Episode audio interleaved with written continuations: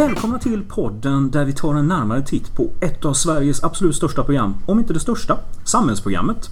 Och ska man prata samhäll på skolan, då ska man prata med Anders. Välkommen hit. Tack så mycket. Ja. Nu har vi ju ett halvt innebandylag med Anders här så att eh, det är Anders Jeppsson. Det stämmer. Yes. Eh, lite kort om dig. Vad är det som gör att du har hamnat här? Ja, det är min driv för de samhällsvetenskapliga frågorna och hur samhället hänger ihop egentligen. Mm. Det det handlar om. Ja. Och du undervisar i Samhällskunskap och historia. och historia. Stora, bra ämne. Mm, Yes. Alltid. Men om man tar allmänt om samhällsprogrammet i Sverige. För det är väl så att det är det största programmet som finns i Sverige.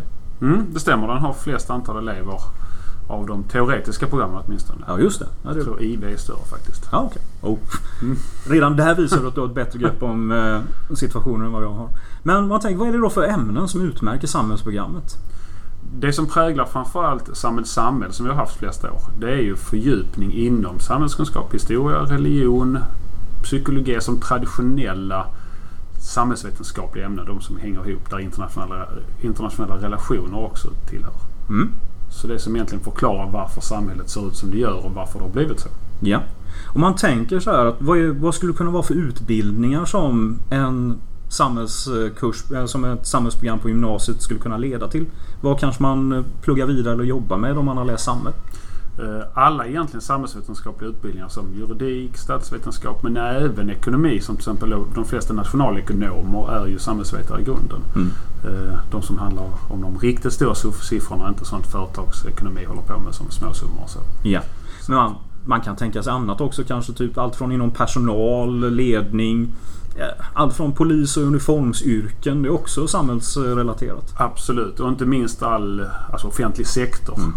som är enormt stor arbetsmarknad och är betydligt roligare än vad det låter. Ja. Så samhällare behövs. Det behövs absolut. Ja, bra. Men om man då tänker Samhäll finns ju på mängder med skolor som sagt. Men om man skulle säga vad är det som är speciellt eller vad är inriktning, upplevelse utav eh, samhället, samhällskurserna på Procivitas i Malmö? Det som är specifikt för oss skulle jag säga är väl Vi har inriktning såklart, den, den internationella inriktningen. Men Mm. också, och det gör ju att det präglas av en internationell touch i form av att vi faktiskt besöker till exempel då Köpenhamn, Berlin men även då Budapest i trean. Där vi faktiskt får se hur det ser ut i andra länder i praktiken. Så att vi flyttar ut vad ska vi säga, undervisningen från klassrummet till verkligheten. Mm. Eh, Men sen det som jag skulle säga är nästan det viktigaste på den här skolan det är att vi försöker integrera ämnena med varandra. Att eh, även om de läser samhäll, historia och till exempel internationella relationer så är det inte säkert att man gör det på just den lektionen utan alla tre kurserna integrerar med varandra. Det skulle jag säga är den största Mm. poängen, att man får samband.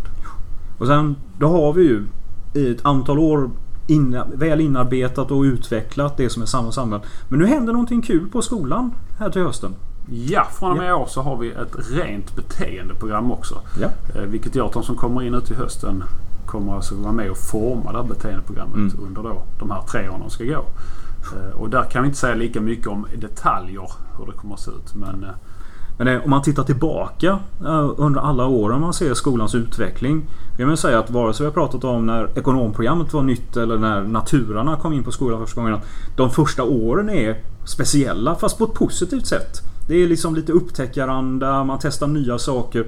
Och om man som elev läser beteendevetenskap så kommer man nog vet du, få vara med och kanske tycka till, utveckla och eh, undersöka på ett sätt som eh, är väldigt speciellt absolut, och man får ju sätta sin prägel för att Mm. när man går i tvåan så kommer de nya ettorna och likadant när man går i trean så är man den som faktiskt kan beteendeprogrammet bland eleverna. Så att självklart så har Mm. eleverna stor betydelse. Och vi har ju märkt det varje gång vi har fått in ett nytt program här. Idrott, natur och. Skolan eh, lever upp och skakas om lite. Man får tänka lite nya tankar och jobba på lite nya sätt. Så att eh, det här har vi sett fram emot. Mm.